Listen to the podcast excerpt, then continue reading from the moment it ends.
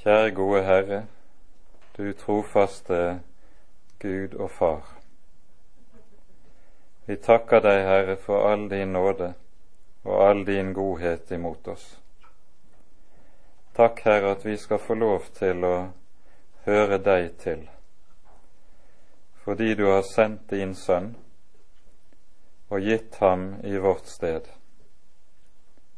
Takk, Herre Jesus, du Guds hellige lam, at du var villig til å bøte, til å gi livet ditt for vår skyld. Takk, Herre, at vi skal få høre til ditt folk. Så ber vi deg, Herre, at du vil skrive din, ditt navn på oss, at vi også kan få være med blant dem som tar del i den nye sangen. Send din Hellige Ånd og vær hos oss. Det ber vi for Jesus skyld. Amen.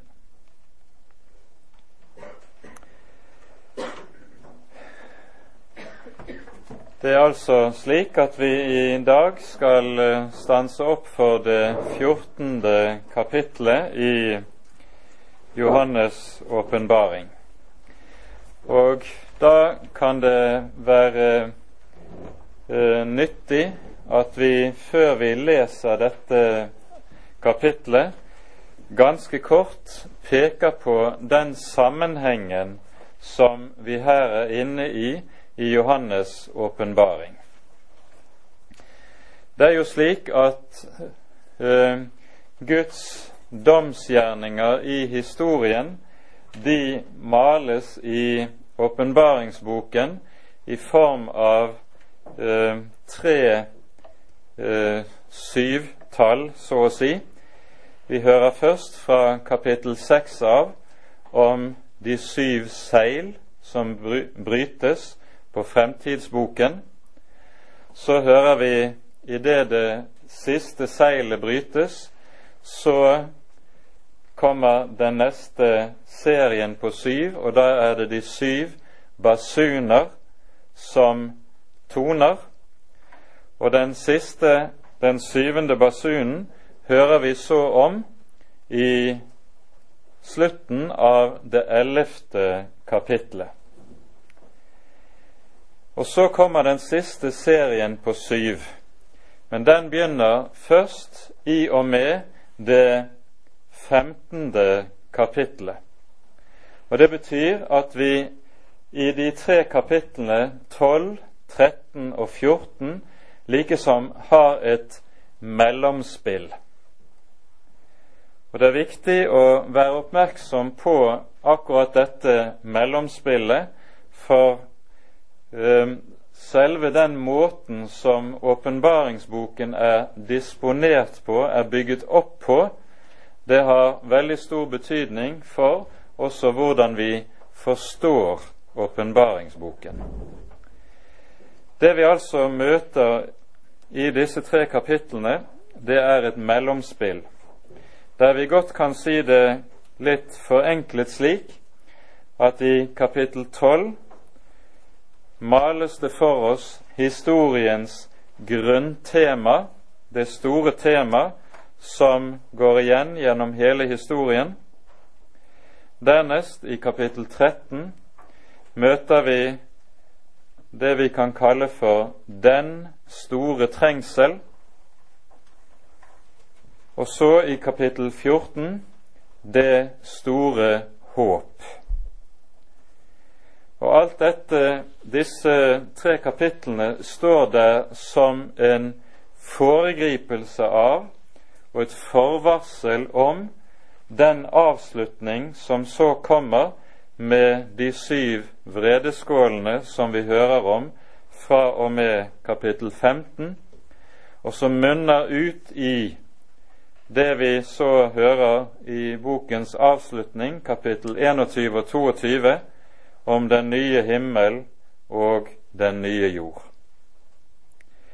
Dette mellomspillet i disse tre kapitlene, det henger antagelig sammen med det som vi hører om i slutten av kapittel 10, der Johannes blir gitt en liten bok som han skal spise. Ehm, vi leser fra vers 8 av i kapittel 10 slik:" Den røst jeg hadde hørt fra himmelen, hørte jeg atter tale med meg og si:" Gå og ta den lille, åpnede bok i den engels hånd som står på havet og på jorden. Og jeg gikk bort til engelen og sa til ham at han skulle gi meg den lille bok. Og han sier til meg, ta den og et den. Den skal svi i din buk, men i din munn skal den være søt som honning. Og jeg tok den lille bok av engelens hånd og åt den, og i min munn var den søt som honning, og da jeg hadde etten, svidde den i min buk. Og de sier til meg, du skal atter spå om mange folk og etter, og tunger og konger. Og det som altså er innholdet i den spådom som apostelen nå skal bære frem, det er det vi hører i avsnittet fra kapittel 12 til og med kapittel 14.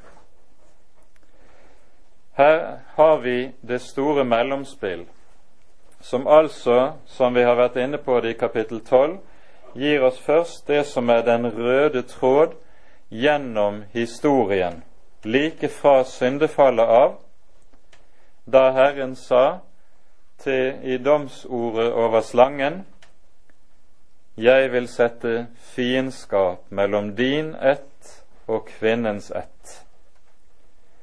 Og denne kamp mellom kvinnens ett og slangens ett, denne er det som så både går gjennom hele historien, men når sitt høydepunkt ved historiens avslutning, og det er dette høydepunkt som så er tema i det trettende kapittelet, der vi hører om Antikrists fremtreden, dyret som stiger opp av havet, men som vi hører om i kapittel 11, har sin rot i avgrunnen.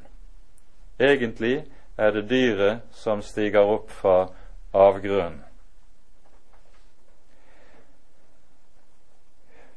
Når dette sluttkapittelet i menneskehetens historie tegnes for oss i kapittel 13 i åpenbaringsboken, så er det på en måte slik at vi ser den ytre menneskelige side i det trettende kapittelet, og så får vi på ny se det samme om igjen, men da så å si fra himmelens synsvinkel, fra Guds synsvinkel. Og med det i minne leser vi så kapittel 14. Og jeg så og se, lammet sto på Sions berg, og med det 144 000 som hadde dets navn og dets faders navn skrevet på sine panner. Og jeg hørte en røst fra himmelen som lyden av mange vann, som lyden av en sterk torden, og røsten jeg hørte var som av harpespillere som spilte på sine harper og de sang en ny sang for tronen og for de fire livsvesener og de eldste. Og ingen kunne lære sangen uten de 144 000, de som er kjøpt fra jorden. Disse er de som ikke har gjort seg urene med kvinner, for de er som jomfruer. Disse er de som følger lammet hvor det går.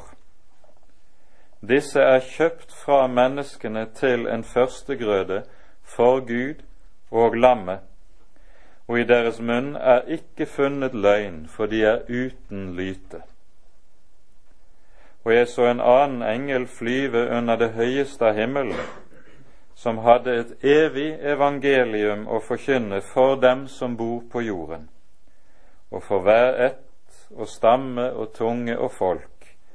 Og han sa med høy røst, Frykt Gud og gi ham ære, for timen for hans dom er kommet, og tilber ham som gjorde himmelen og jorden og havet og vannkildene. Og atter en annen engel fulgte etter og sa, Falt, falt er Babylon den store, som har gitt alle folk å drikke av sitt horelevnets vredesvin. Og atter en tredje engel fulgte etter dem og sa med høy røst, Dersom noen tilber dyret og dets bilde, og tar dets merke på sin panne eller i sin hånd, da skal han også drikke av Guds vredes vin, som er skjenket ublandet i hans harmes beger, og han skal pines med ild og svovel for de hellige englers og for lammets øyne. Og røken av deres pine stiger opp i all evighet, og de har ikke hvile dag eller natt de som tilber dyret og dets bilde, hver den som tar dets navns merke. Her er de helliges tålmodighet, de som holder Guds bud og Jesu tro. Og jeg hørte en røst fra himmelen si, Skriv, salige er de døde som dør i Herren heretter. Ja, sier Ånden, de skal hvile fra sitt arbeid, for deres gjerninger følger med dem. Og jeg så og se en hvit sky, og på skyen satt en som var lik en menneskesønn, og på sitt hode hadde han en gullkrone og i sin hånd en skarp sigd. Og en annen engel kom ut av tempelet og ropte med høy røst til han som satt på skyen, Send ut din sigd og høst Timen til å høste er kommet, for høsten på jorden er overmoden. Og han som satt på skyen, lot sin sigd gå over jorden, og jorden ble høstet. Og en annen engel kom ut av tempelet i himmelen og hadde en skarp sigd, han også. Og enda en annen engel kom ut fra alteret, og han hadde makt over ilden, og ropte med høy røst til han som hadde den skarpe sigd. Send ut din skarpe sigd, og høst druene av vintreet på jorden, for dets bær er modne. Og engelen lot sin sigd gå over jorden og avhøstet vintreet på jorden og kastet frukten i Guds vredes store vinperse. Og vinpersen ble trådt utenfor byen, og det gikk blod ut av vinpersen like til bislene på hestene, så langt som tusen og seks hundrede stadier.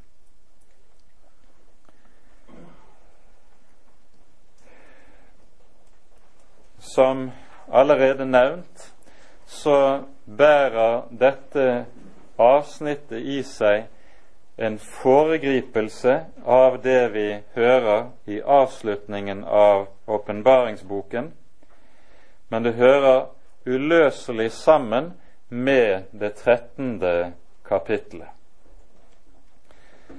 Det ser vi av flere ting. Først og fremst må vi peke på det som sies i vers 1.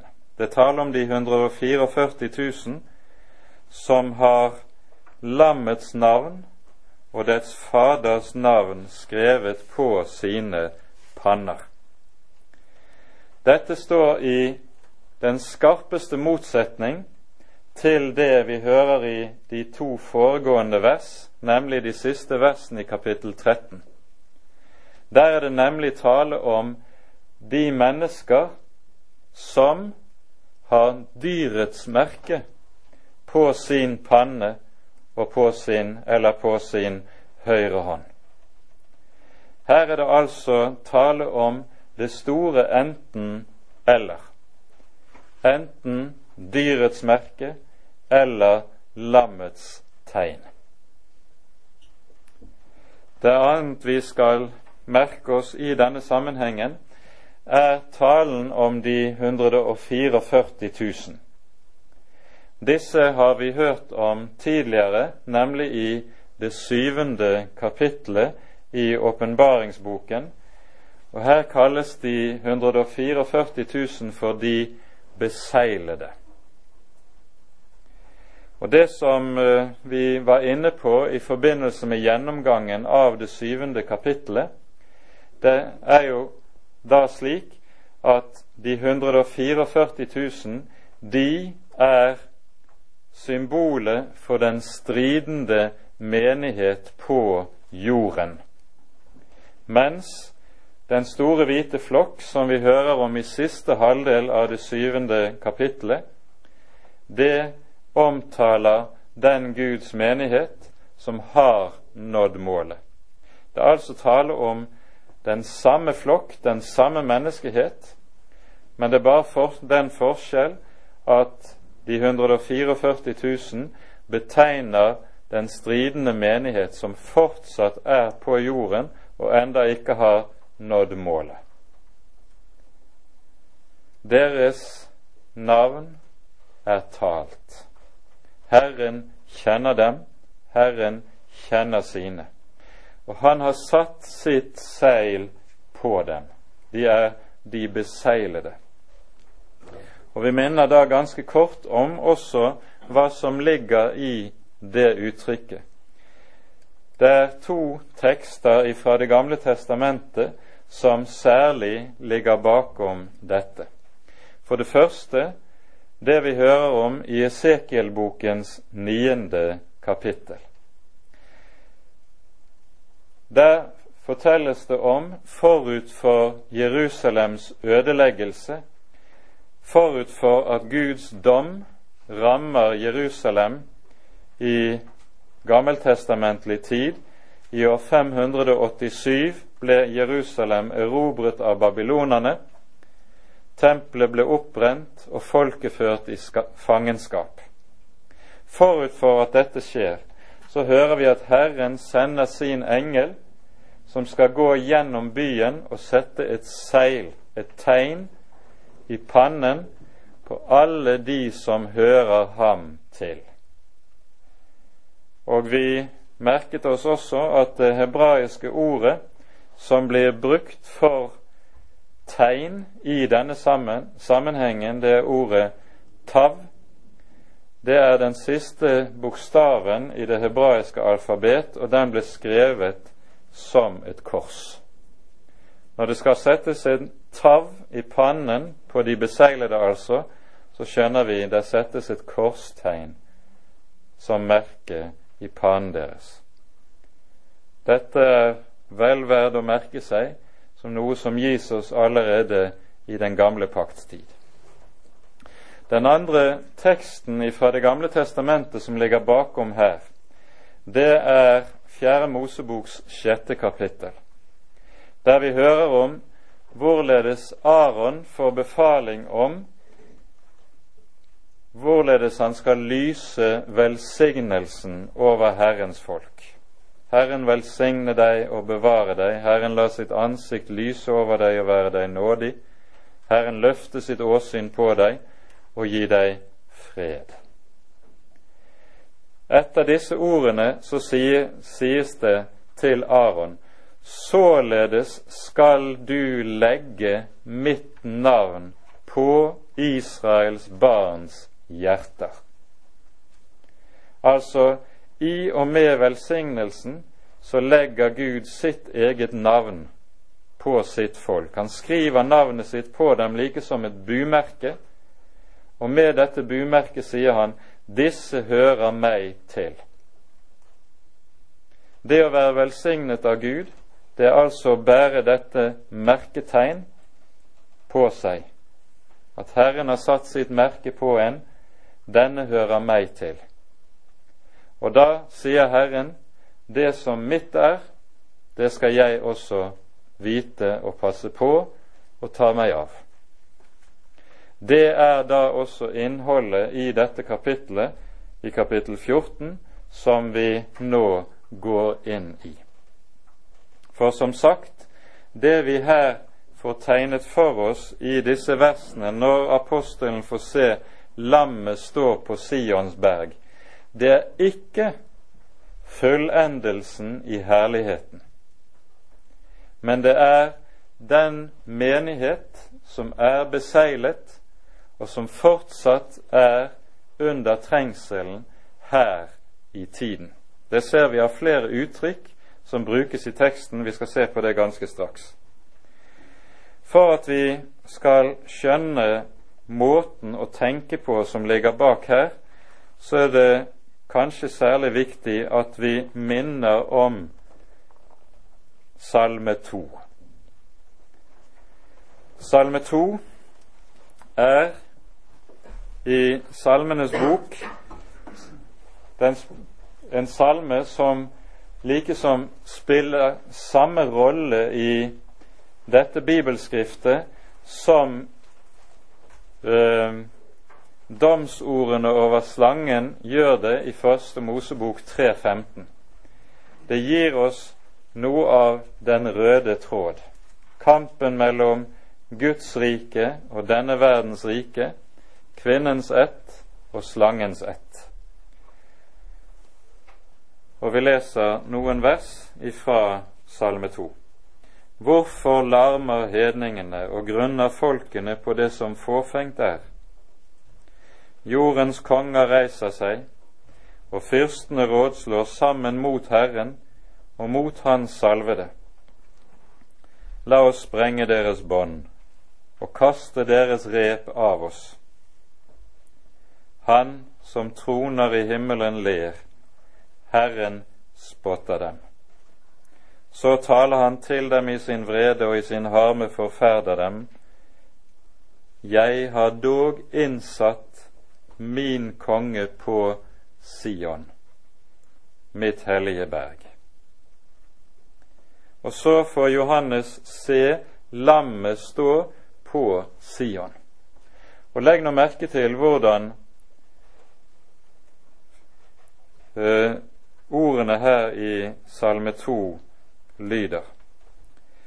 Det er altså slik at folkene, denne verdens mektige, reiser opprørsfanen mot Herren, mot Hans salvede, og mot dermed også de som hører ham til. Og så kommer det i vers 4 Han som troner i himmelen, ler. Med det så peker Bibelen på for oss at uansett hvor meget den falne menneskehet raser mot Herren og de som hører Han til, så volder de aldri Gud det ringeste problem. At folkene raser, og reiser seg, innebærer ikke at Han som er Herre, har mistet sin allmakt eller mistet kontrollen i historien. Langt derifra. Og Derfor sies det sånn som vi hører det her Han som troner i himmelen, ler. Og Nettopp dette er det vi skal ta med oss inn i Åpenbaringen 14. For dette står der jo på bakgrunn av det vi hører i det 13. kapittel om hvorledes dyret fører krig mot Herrens hellige. Det er akkurat det samme opprøret som vi hører om i Salme 2.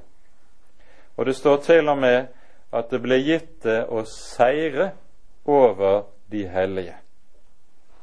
Og så kan en i anfektelsen og i fortvilelsen over all den lidelse som motstanden volder, fristes til å tenke Herren har mistet kontroll. Nei, langt derifra. Jeg har dog innsatt min konge på Sion, mitt hellige berg. Og så er det det vi får se inn imot nå i kapittel 14. Jeg så og se.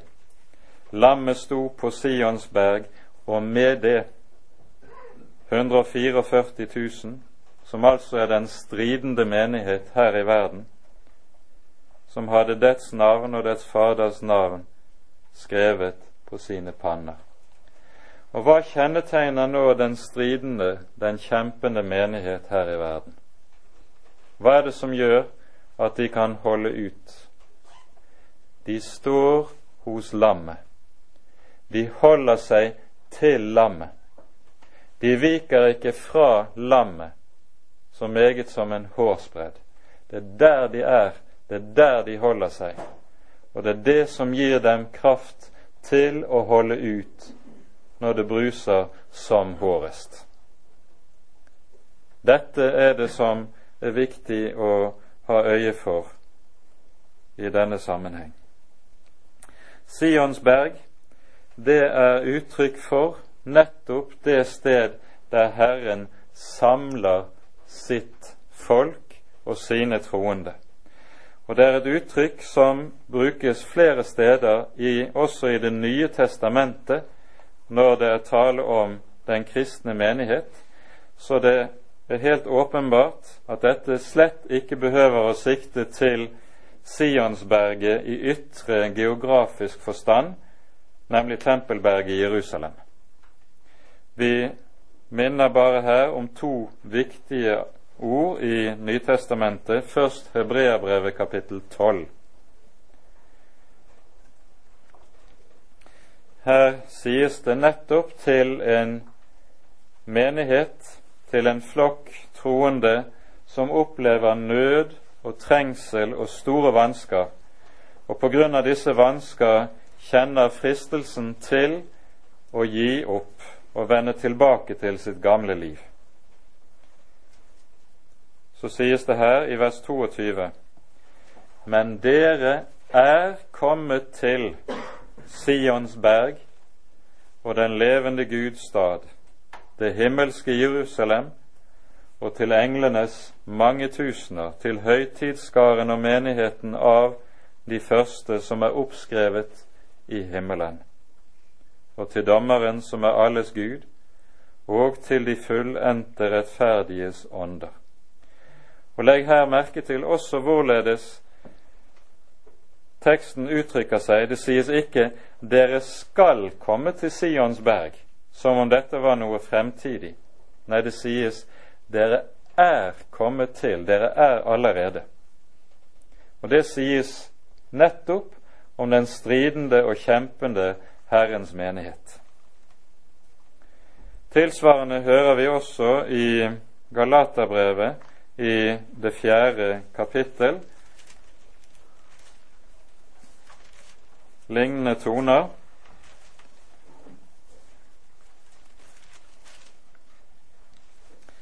Her settes opp mot hverandre to berg, nemlig Sinai-berget, som symboliserer loven, og Jerusalemsberget, som representerer evangeliet.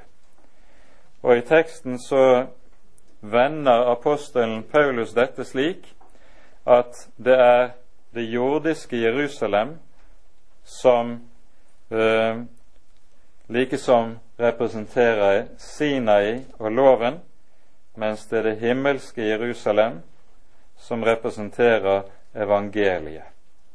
Og så sies det fra vers, 24, fra vers 26 Det Jerusalem som er der oppe, det er fritt, og det er vår mor. For det er skrevet Vær glad, du ufruktbare, som ikke føder. Dere er kommet til Sions berg, sies det. Og så er det igjen slik at vi møter likesom den store kontrasten i bibelteksten. At når eh, apostelen ser den kjempende menighet, som her i verden ser hjelpeløs ut, fattig ut, og som er få og små, så virker det hele så puslete. Men det er fordi han som menneske kun ser med ytre øye.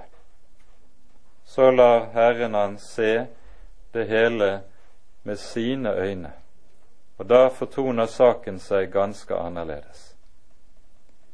Og så er det vi hører hva som kjennetegner denne Herrens menighet.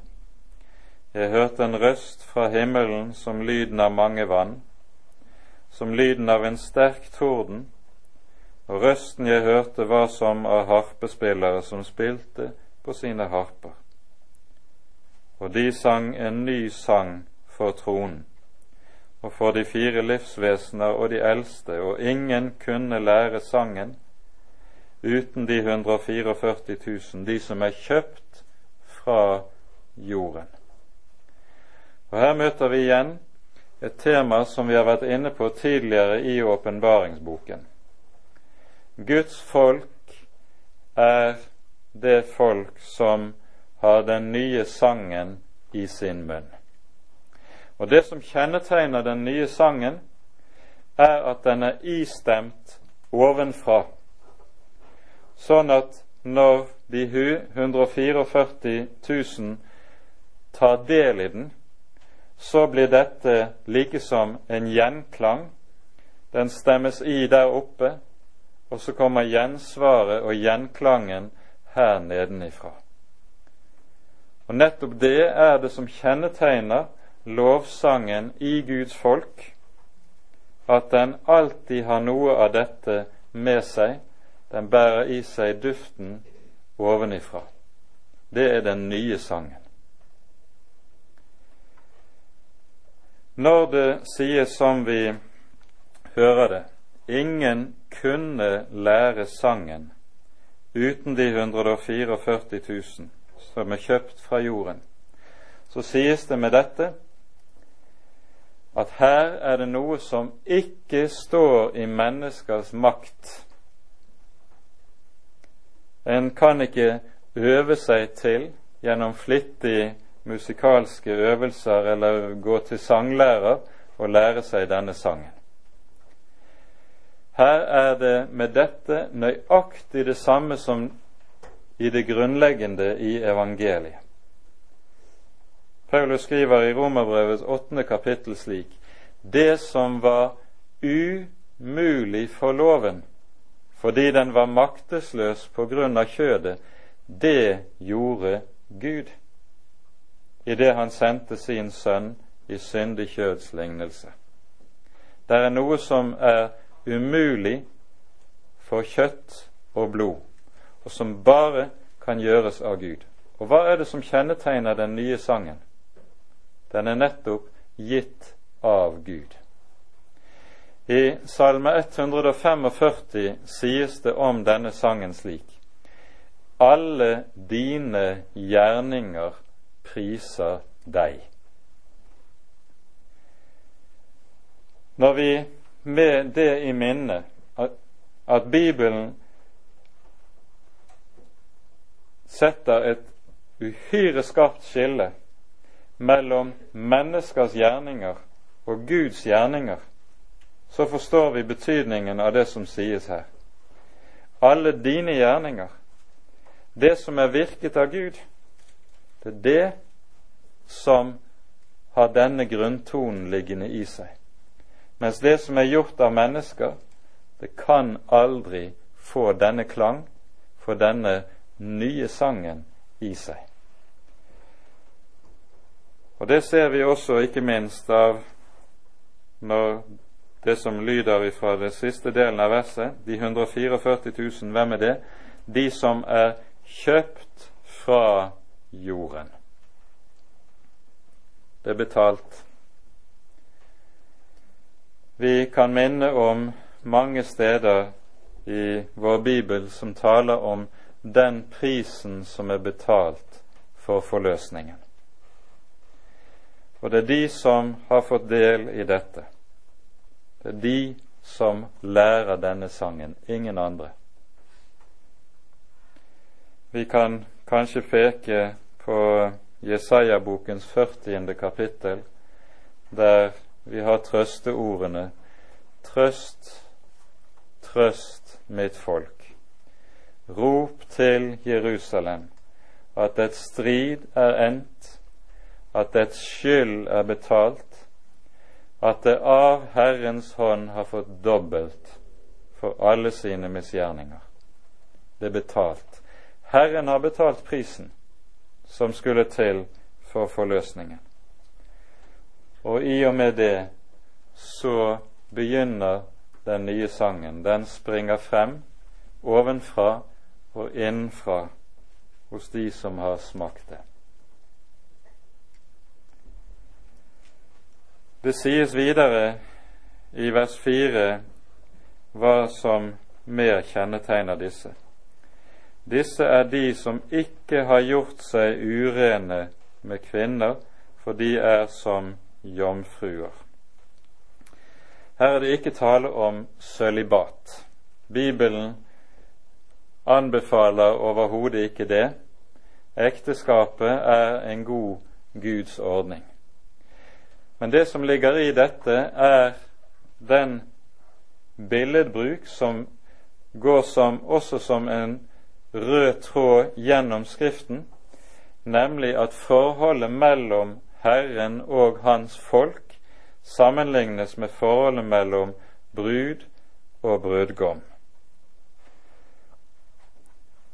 Og så ut fra det bildet så skriver Paulus i 2. Korinterbrev i det ellevte kapittelet om menigheten som har fått del i troen. Andre kor 11 sies det slik i vers 2. Jeg er nidkjær for dere med Guds nidkjærhet. Jeg trolovet dere jo med én mann for å fremstille en ren jomfru for Kristus. Den kristne menighet er denne rene jomfru som fremstilles for Kristus. Den er renset i hans blod for å kunne være hans brud. Og så følger det etterpå men jeg frykter for at like som slangen dåret Eva med sin list, således skal også deres tanker forderves og vendes bort fra den enfoldige troskap mot Kristus. Når dette kjennetegnet på menigheten står der, den rene jomfru, så står dette også i den skarpeste motsetning til det som sies om Antikrists rike, som er Babylon. Og hva er Babylon tegnet under bildet av? Jo, det er nettopp skjøgen, som der du finner all urenhet og alt det som ondt er. Den kristne menighet skiller seg altså på avgjørende vis fra det som kjennetegner den tid og den verden den lever i. Jesus sier jo om dette i Johannesevangeliets 17. kapittel. Når han taler om de som hører han til, sier han de er ikke av verden, like som jeg ikke er av verden. Og Legg merke til det ordet 'like som' i den tekstsammenhengen. Jesus er ikke av verden. Han sier jo om seg selv i Johannesevangeliets åttende kapittel i en samtale med jødene Dere er nedenfra, jeg er ovenfra. Dere er av verden, jeg er ikke av verden. Og så sier Jesus deretter i Johannes 17 at nøyaktig det samme som gjelder ham, det gjelder også de som hører ham til. De er ovenfra, de er ikke av verden. De er ikke av verden like som jeg ikke er av verden, for de er født av Gud. Det vi hører om her, det er også uttalt i Det gamle testamentet og i Salmenes bok. Jeg vil bare her henlede oppmerksomheten på den 87. salmen, en salme som nettopp tematiserer dette, og også gir oss noe av innholdet i den nye sangen. Det er en salme om Sion, og det Salme 87, en salme om Sion. Den er kort, bare syv vers. Vi tar oss tid til å lese de syv versene. Den stad han har grunnfestet på de hellige berg, Sions porter, elsker Herren fremfor alle Jakobs boliger. Herlige ting er sagt om deg, du Guds stad, Sela. Jeg nevner Rahab og Babel blant dem som kjenner meg. Se filisteren og tyrieren med etioperen, denne er født der. Og om Sion skal det sies, hver og en er født der. Og han, den høyeste, gjør det fast. Herren skal telle når folkene blir oppskrevet og si, denne er født der, Sela. Og de som synger og danser, skal si, alle mine kilder er i deg.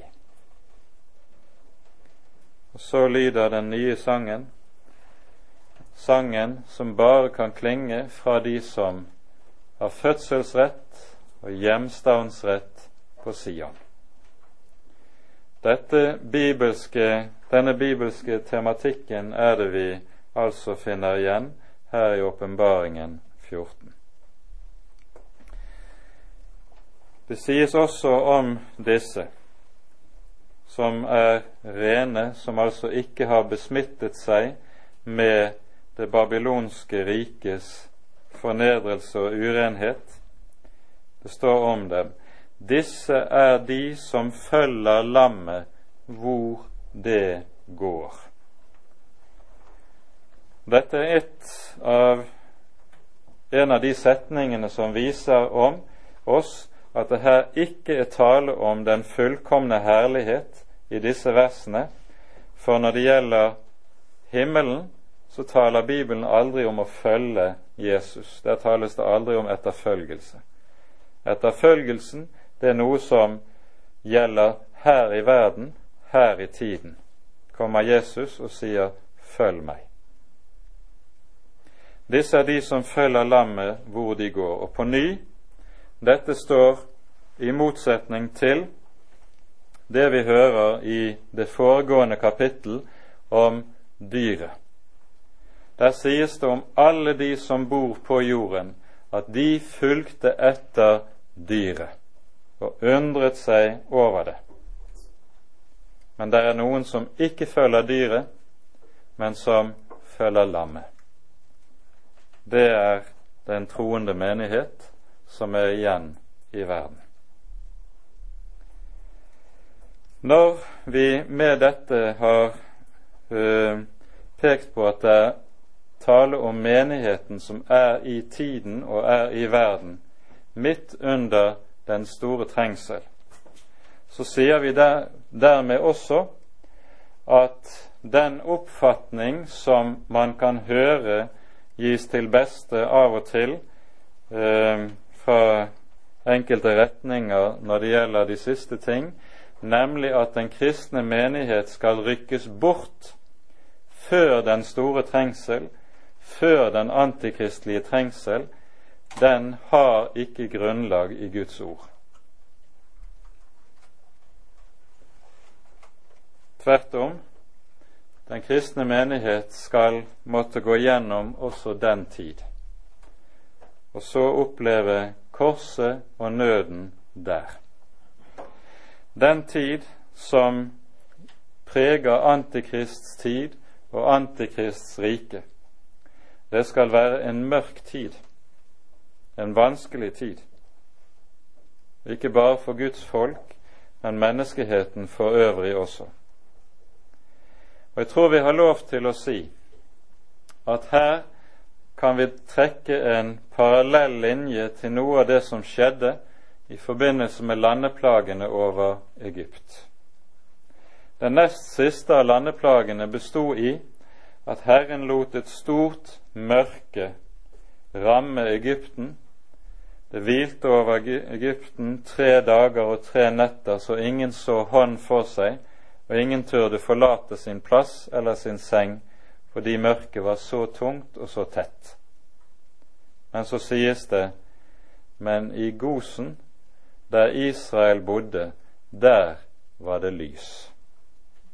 Og det er dette lys vi likesom får se inn i her i det 14. kapittel,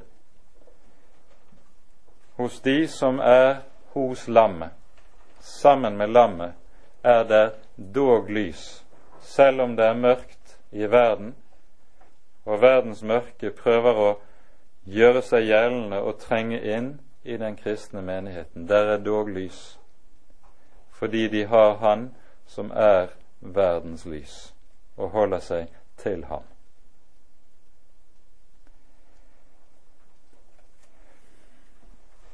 Til sist sies det som kjennetegn på disse som er hos lammet. I deres munn er det ikke funnet løgn, for de er uten lyte.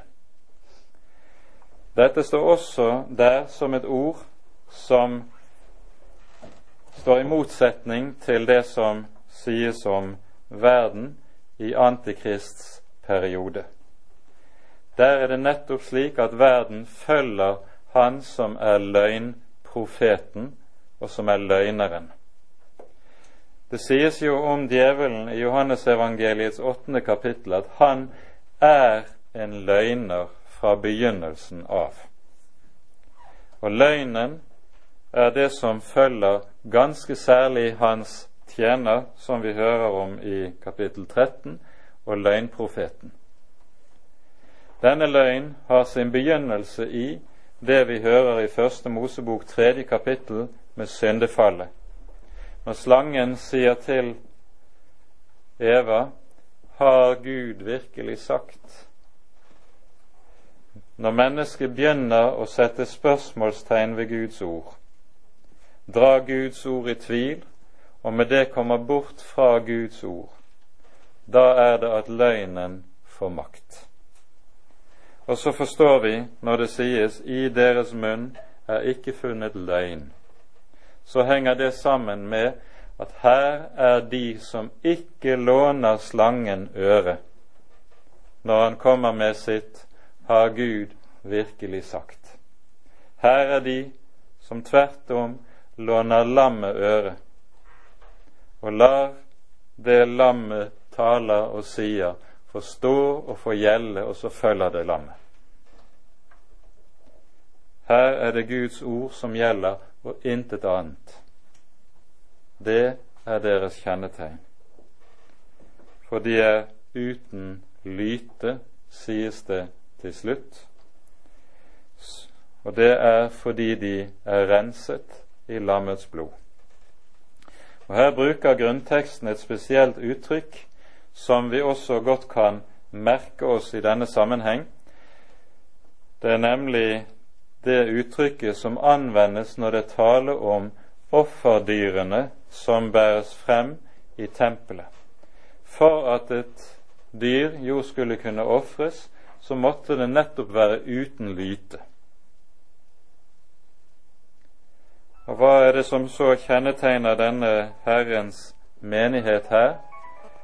Den er uten lyte, og så gjelder det om den det som sies i Romerbrevets åttende kapittel. Vi regnes som slaktefår hele dagen.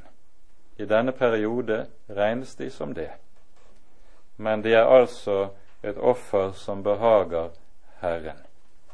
For det som er Guds folks lodd og skjebne i denne tid, det er at de skal dele kår med sin Herre og Frelser. Han bar korset, de bærer korset. Han ble naglet til treet, de vil erfare det samme. Men like som korset var seieren over død og djevel og synd og mørke, så ble dette Guds folks kors også deres seier. Fordi de vet det som Jesus sier i Johannesevangeliets 16. kapittel. Dette har jeg talt til dere for at dere skal ha fred i meg. I verden har dere trengsel, frykt ikke. Jeg har overvunnet verden. Her sier altså Jesus ikke at han skal overvinne verden. Han taler heller ikke her om noe fremtidig.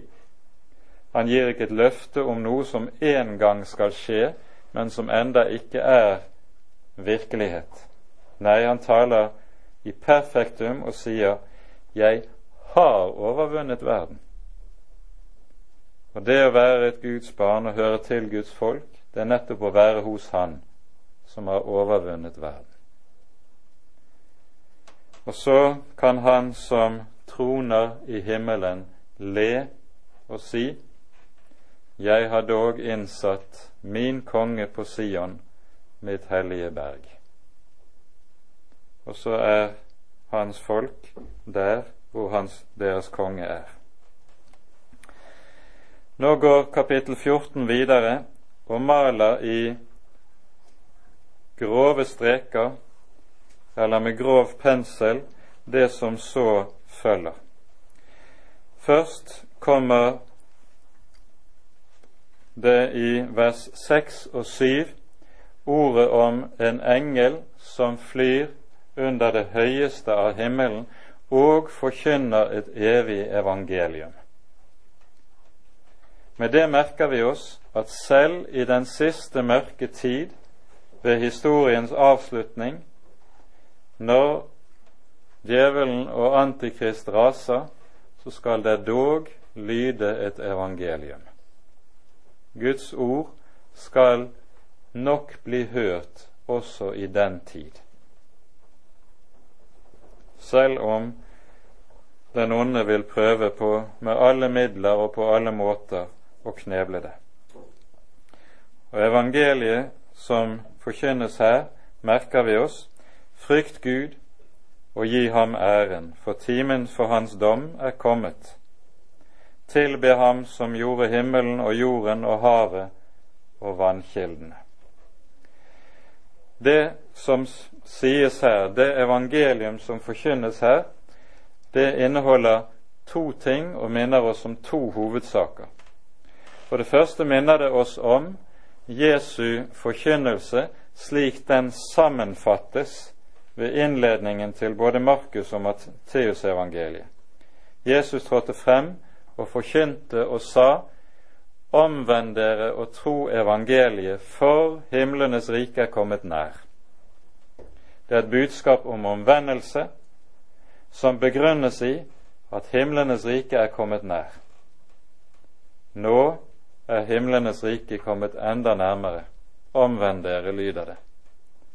Dommen står for døren, omvend dere. Og for det andre så pekes det meget klart på det det handler om i all omvendelse, det er det første bud. Det som er kilden til og årsaken til all synd, det er alltid ligger alltid i frafall fra første bud. Så er det også slik at der et menneske kommer til tro på Jesus, der kommer en i et rett forhold til første bud. Der oppfylles det første budet. Og så kommer alt annet i rette skikk. Og Derfor er det det første bud som er tema i det vi hører forkynnes her. Og Det står jo også på ny, merker vi oss, i den skarpeste motsetning til det vi hører om i det foregående kapittel, hvor menneskene tilber hva for noe? Jo, de tilber dyret, de tilber mennesket. Det er mennesketilbedelsen som er det sentrale kjennetegn i dyrets, i Antikrists rike. Og så står det som motsetning til dette tilbe Gud og gi ham ære, ikke mennesket. Dernest følger så løftet om Babylon sitt fall. Og her foregripes det altså det som forkynnes i det 18. og det 19. kapittelet. Babylon og hva det er, det kommer vi til å komme nærmere tilbake til der. Men ganske kort peker vi bare på her at Babylon det er hovedstaden i Antikrists rike og sete for hans makt. Når Babylon faller, så faller også Antikrists rike. Så det er det, dette som nå foregripes. Falt er Babylon det store. Og legg merke til nettopp dette predikatet som settes til. Babylon kalles meget ofte i Bibelen nettopp for det store. Og med det så ligger uttrykk for nettopp menneskets behov for, eller ønske om, selvopphøyelse, egen storhet. Og jo større mennesket blir, og jo større alt det mennesket kan gjøre, blir, jo mindre blir Gud i menneskers øyne. Babylon det store hadde, har sitt urbilde i det vi hører om Babels tårn i Første Mosebok 11. Og like som det ble stanset og ødelagt ved Guds dom, så skal også dette Babels tårn, som Antikrist skal søke å reise, falle og bli tilintet. Falt, falt er Babylon det store, og Guds folk skal glede seg. Deretter følger så talen om den dom som kommer over jorden.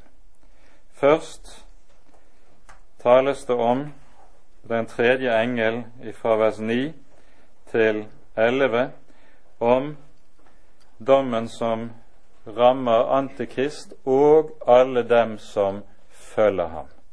Og den tegnes i drastiske bilder.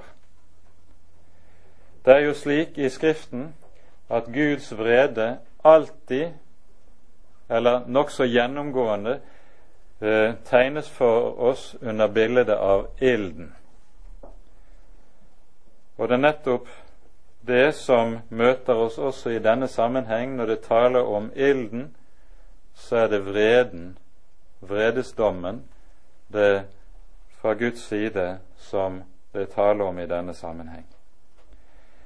Og så står vi overfor i kapittel 14 og kapittel 13 det som så å si er det skjebnesvangre valget som hele menneskeheten settes på. En står på valg mellom Guds vrede eller dyrets vrede. De som ikke vil bøye seg for dyret og følge det, men følger lammet, de blir gjenstand for dyrets vrede. De som ikke følger lammet, de blir gjenstand for Guds vrede. Dette er det store enten-eller som males for oss i denne sammenheng så kommer det et trøsteord i vers 12 og 13. Et ord som står der for å være til håp for dette Guds folk som får meget å lide i denne periode. Her er de helliges tålmodighet, de som holder Guds bud og Jesu tro. Og Det kunne vel godt ha stått et kolon etter denne setningen. For jeg hørte en røst fra himmelen si, Skriv, salige er de døde som dør i Herren heretter. Ja, sier Ånden, de skal hvile fra sitt arbeid, for deres gjerninger følger med dem. Vi minner her om Salme 116, for det første, der det står i vers 15 slik:" Kostelig i Herrens øyne er hans frommes død. Det gjelder om hver troendes død. Kostelig i Herrens øyne er hans frommes død. Men i særlig forstand har vi vel lov til å si at dette gjelder om de som lider døden for Hans navns skyld. Kostelig i Herrens øyne er Hans frommes død. Når det i denne sammenheng også er tale om, som vi hører det, løfte om hvile, ja, sier Ånden, de skal hvile fra sitt arbeid. Så møter vi på ny noe som er en grunntone i Den hellige Skrift. For hva er det som skjer når i og med syndefallet? I kjølvannet på det kommer domsordet over Adam som sier fordi du lød din hustru og åt, så skal jorden være forbannet for din skyld.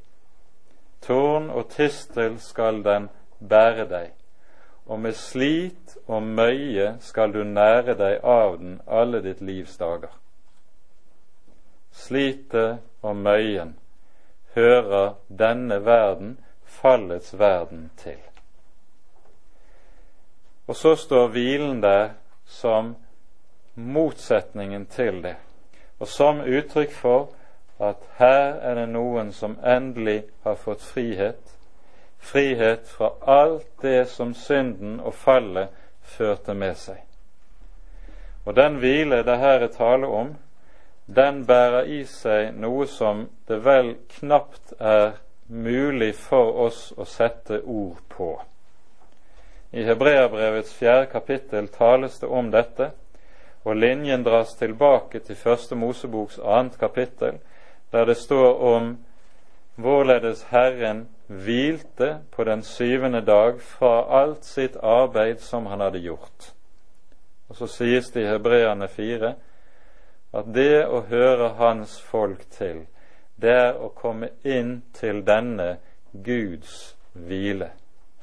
Ha del i den, bo i den hos Ham som er den veldige. Og hva som ligger i det, det kan vi knapt utgrunne, og kan vel knapt si heller. Men det ligger noe veldig stort i dette. De skal hvile fra sitt arbeid, for deres gjerninger følger med dem.